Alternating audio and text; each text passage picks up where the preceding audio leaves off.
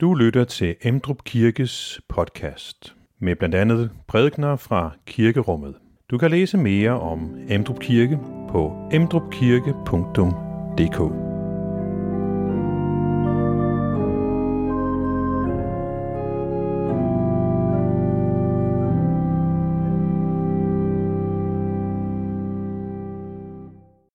Jeg har sat som overskrift i dag, fællesskab med Gud. Fællesskab med Gud.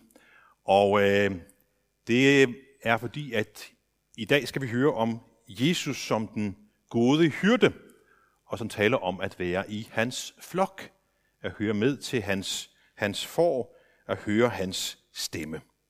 Fællesskabet med Gud, det skal være i fokus.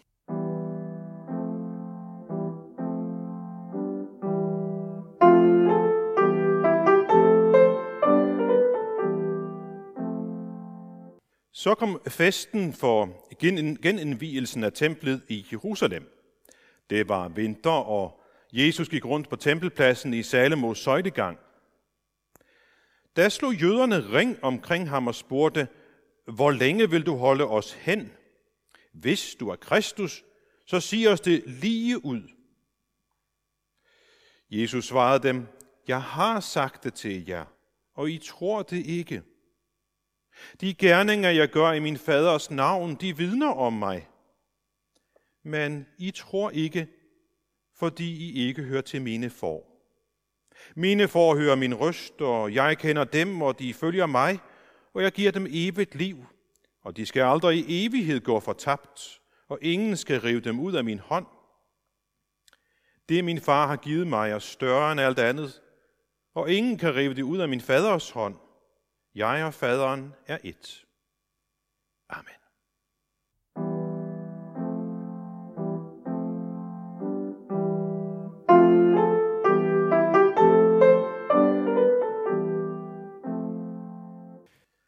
Johannes fortæller os, at det er vinter. Så sandsynligvis blæser der en kold vind fra øst.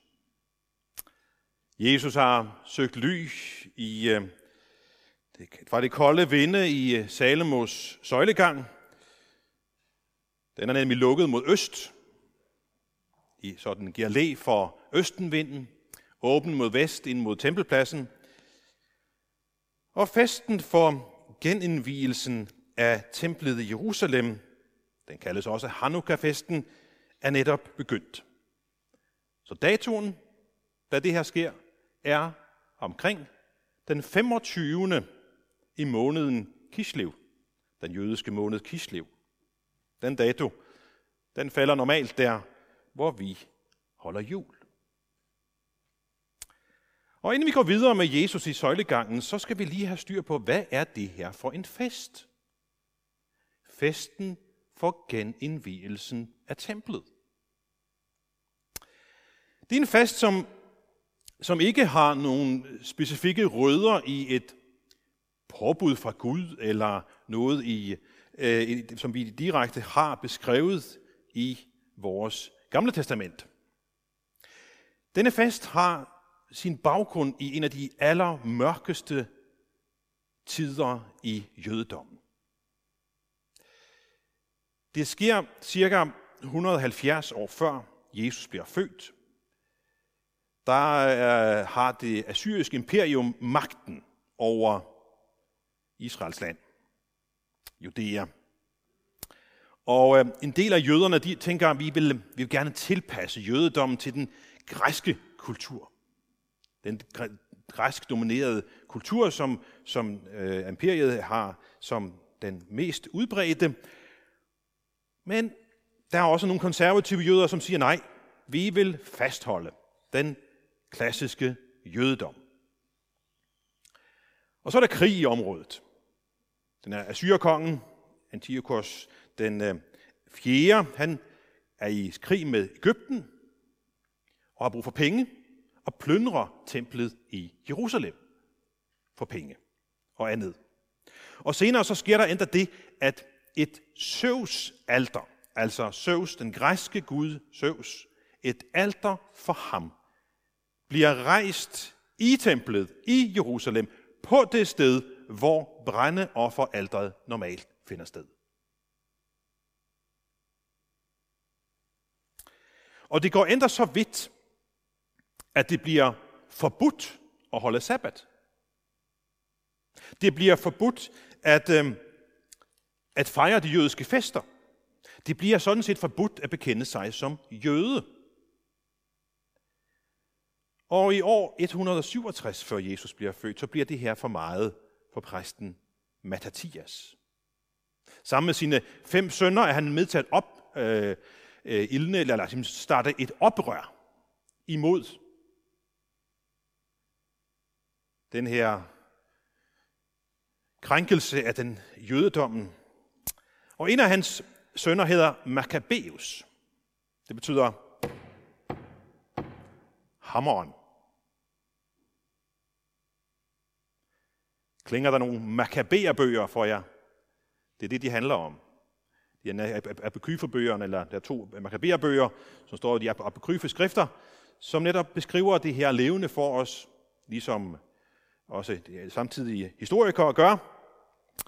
Og Matthias, de andre sønner og især Maccabeus, som bliver lederen for oprøret, de kæmper. De får en masse andre, der slutter sig til kampen, og det lykkedes dem efter et par år at generobre templet i Jerusalem. Så i år 165 før Jesus bliver født, nøjagtigt på treårsdagen, fra at det første offer blev offret til Søvs i templet. Tre år senere, på dagen, den 25. i måneden Kislev, bliver templet genindviet. Og et offer til Gud, himlens Gud, ikke Søvs, bliver offret der igen. Og det til minde om det, så fejrer man igen og igen genindvielsen af templet i Jerusalem. Det kaldes for os Hanukkah-festen. Og, og jøder fejrer den stadigvæk i dag. Der er forskellige traditioner, der er knyttet til den, og, og nogle af traditionerne ligner lidt det, vi gør til jul. Det med at er sammen som familie og, og give hinanden gaver, og så falder det sådan set også tidsmæssigt på året cirka sammen med vores jul. Så det er baggrunden for den, det, der ligesom er sket.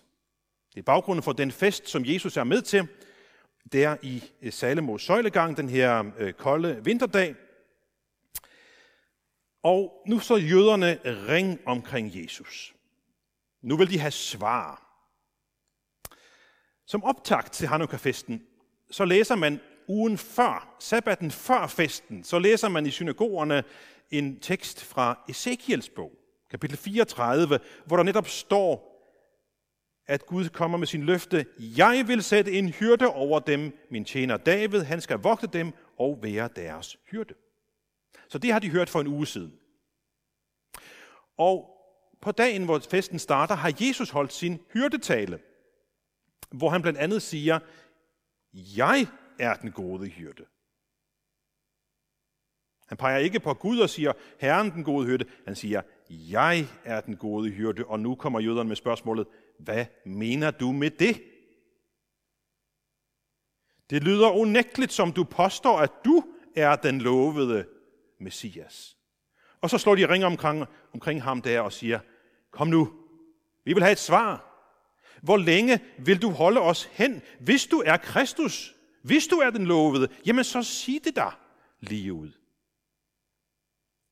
De vil have et ja eller, ja eller nej svar af Jesus. Det får de ikke. Det kommer faktisk lidt senere, da Jesus svarer i forbindelse med, at man bliver dømt. Men her, så siger Jesus, han svarer dem med at henvise til, hvad han har gjort. Han svarer ved at henvise til de mange gerninger, han har gjort. De gerninger, som viser, hvem han er, at han gør Guds gerninger. Men problemet er, at de vil ikke tro på, hvem han er, fordi de ikke hører til hans for, siger Jesus. De hører ikke til i hans flok. Og så siger han så provokerende, som vores tekst slutter med, jeg og faderen er et. Og hvis vi havde læst lidt længere hos Johannes, så havde vi hørt, at det får den til at samle sten. Ikke for at bygge et alter. Nej, hvad skal han bruge sten til? At stene Jesus med. Hvorfor? Fordi han spotter Gud og kalder sig for Gud, men han er et menneske. Det er Guds bespotteligt i deres optik. Og Jesus svarer, jeg gør min faders gerninger. Og så tvister han den meget smart. Han siger, at jeg er helliget og sendt til verden af faderen. Vi hører det ikke, men han bruger bevidst det her ord helliget, fordi det lyder jo som Hanukkah, som der betyder indvielse og, og helliget. Så man kan sige, Jesus siger til dem, I fejrer genindvielsen af en jordisk helligdom. Jeg er den sande helligdom. Det sande tempel, som ikke er bygget af hænder, men kommer fra himlen fra Gud Fader, og kun vil tro på mig og mit offer, er, får I adgang til den levende Gud. Dem, som hører mine røster, følger mig. De hører til dem blandt mine får, siger Jesus, og jeg vil give dem evigt liv, og de skal aldrig i evighed gå fortabt, og ingen skal rive dem ud af min hånd. Og så kommer han med en dobbeltforsikring. Ingen skal rive dem ud af min faders hånd. Må ikke nogen af de tilstedeværende står tilbage og tænker, hører jeg, eller vil jeg høre hans røst? Vil, vil, jeg, vil jeg følge ham? Vil jeg være med i hans flok? Kan du øh, genkende nogle af de tanker?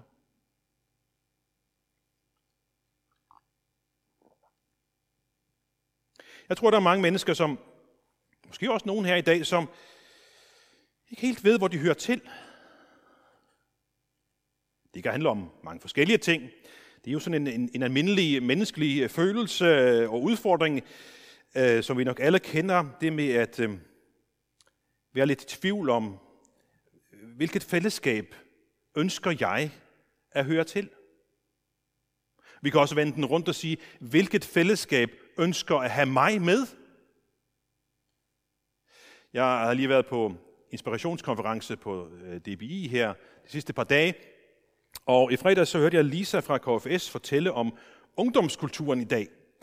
Og en af de ting, som jeg blev mærke i, det var, at hun fortalte, at de unge i dag, nu var det specielt gymnasieverdenen, som hun kendte til, øh, er enormt fokuseret på, hvem de er sammen med.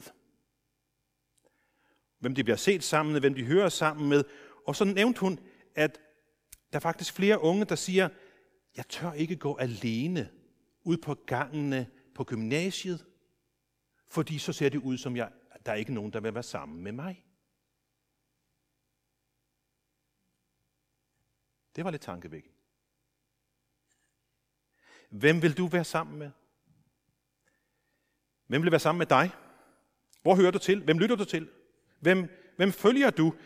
Forleden så oprettede jeg en, øh, en profil på Instagram fra, øh, fra kirken, og, og, og noget af det første, man gør, når man opretter en profil på Instagram, er at finde nogen at følge. Og så forhåbentlig også få nogen, der følger dig. Følgeskabet, eller fællesskabet på Instagram, det er jo, behøver ikke at være gensidigt. Man kan godt følge nogen, som ikke følger dig, og nogen kan følge dig, som du ikke følger. Det behøver ikke at være gensidigt. Der er ikke sådan nogen forpligtelse i det her følgeskab eller fællesskab. Og netop det med forpligtelse og fællesskab har jeg arbejdet, arbejdet jeg mig faktisk med i onsdags. Det var en, en dejlig dag, en, en lidt travl dag. Øh, klokken 5 så stod jeg her og havde en gudstjeneste for, ja, der sad 72 til en pastorgudstjeneste. Det var virkelig en dejlig oplevelse. Spirekor, børnekor, sang. Og... Men jeg skulle skynde mig afsted, fordi jeg skulle over på skolen bagefter. Jeg er formand for skolebestyrelsen, og, og der skulle være årsmøde, så jeg måtte være til stede. Og til det, så skulle vi drøfte skolens værdier. Der var mødt sådan cirka 30 forældre op, da jeg kom derover, og så skulle vi drøfte skolens værdier. Og en af skolens værdier hedder nemlig forpligtende fællesskab. Forpligtende fællesskab. Jeg skulle så fortælle om, hvordan det her værdiprocessen var, som jeg havde været en del af, og skolelederen fortalte så om betydningen af værdierne i hverdagen, og så skulle vi som forældre drøfte, hvad betyder det så for mig? Hvad betyder det for os som forældre, det her forpligtende fællesskab? Og jeg havde formuleret nogle spørgsmål. Hvad betyder det for os som forældre, at vi er en del af et forpligtende fællesskab som forældre? Hvad er vores ansvar? Hvad er vores muligheder som forældre i det forpligtende fællesskab? Og til sidst, hvordan skal skolen udbrede bevidstheden om det?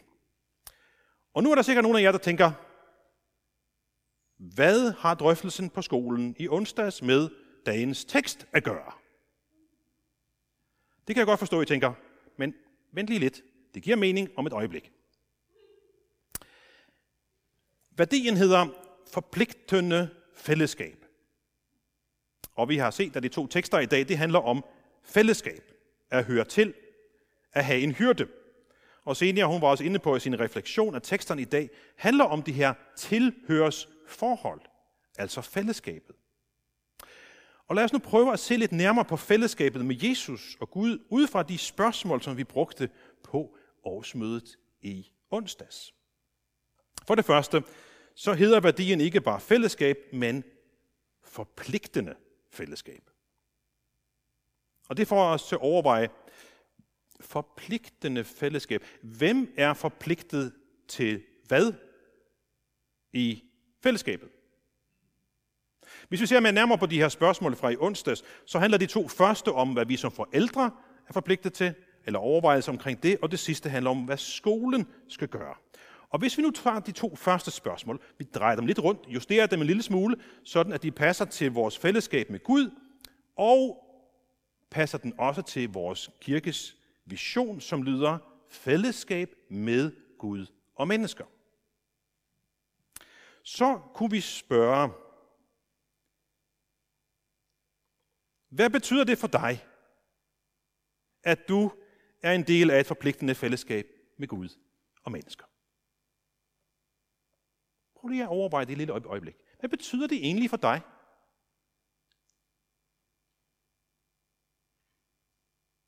Og, og, og så det næste spørgsmål. Hvad er dit ansvar? Hvad er dine muligheder i det forpligtende fællesskab med Gud og mennesker?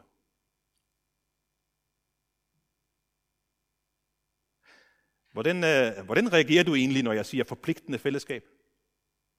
Kan du lide det? Eller øh, er der en lille modstand i at høre det her forpligtende fællesskab? Hører du en masse, masse krav, øh, noget du skal, du skal leve op til i forhold til Gud? Det kan, vi, det kan vi nemt komme til og tænke, jeg skal leve op til nogle krav i forhold til Gud. Og derfor er det afgørende, at vi også husker på, at der er en anden part i dette forpligtende fællesskab, nemlig Gud. Og når vi taler om det forpligtende fællesskab mellem Gud og mennesker, så skal vi jo også spørge, jamen hvad er så Guds ansvar og muligheder i det forpligtende fællesskab? Det er meget, meget vigtigt at skelne mellem, hvad der er vores ansvar og muligheder, og hvad der er Guds ansvar og muligheder. Blander vi de to ting sammen, så opstår der udfordringer. Når vi begynder at tænke, det som Gud har ansvar for, det er det noget, jeg skal gøre.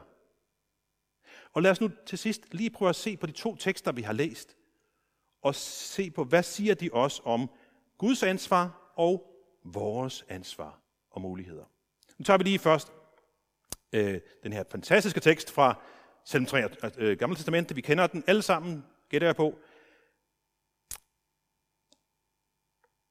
Den gule streg, det er, nu skal jeg strege nogle ting under, med gult, det handler om det, som Gud har ansvaret for. Det, som Gud har mulighed for at gøre. Og så skal vi se, om der er noget grønt, som vi kan gøre. Først Guds.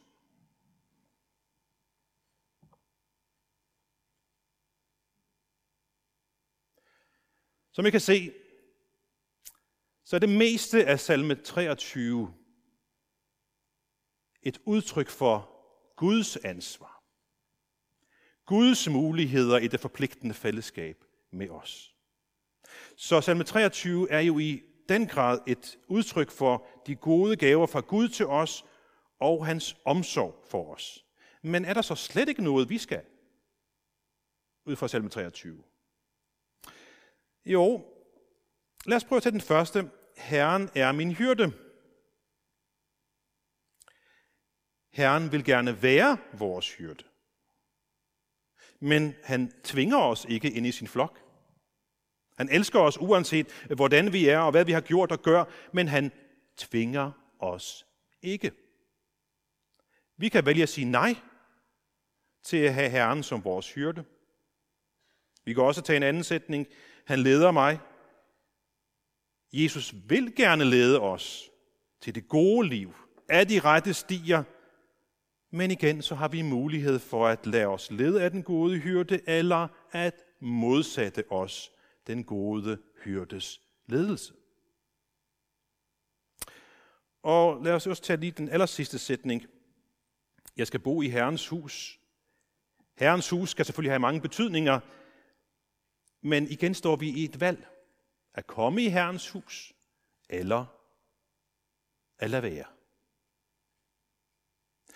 Vi kunne dykke meget dybere ned i det her med, hvad der er Guds og vores ansvar ud fra salme 23, men lad os til sidst kort se på den anden tekst og samme øh, optik. Vi tager samme farver. Den gule, det er Gud. Eller, og nu starter vi med os den her gang. Den grønne, og så den gule for Gud. Hvad er, hvad er vores muligheder?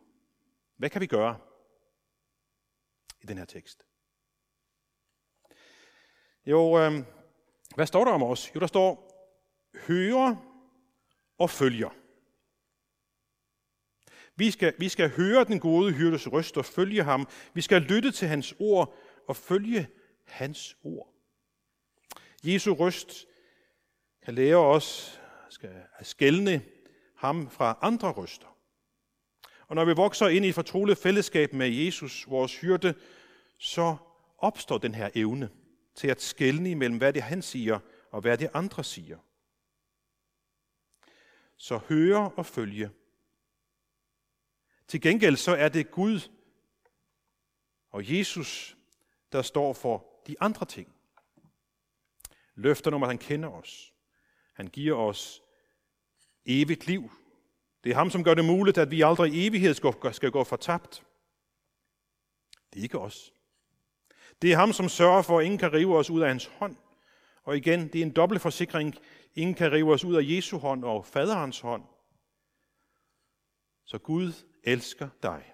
Gud elsker mig. Han gav sin egen søn, for vi kan have fællesskab med ham. Jesus vil gerne være vores hyrde, men vi har mulighed for at takke nej.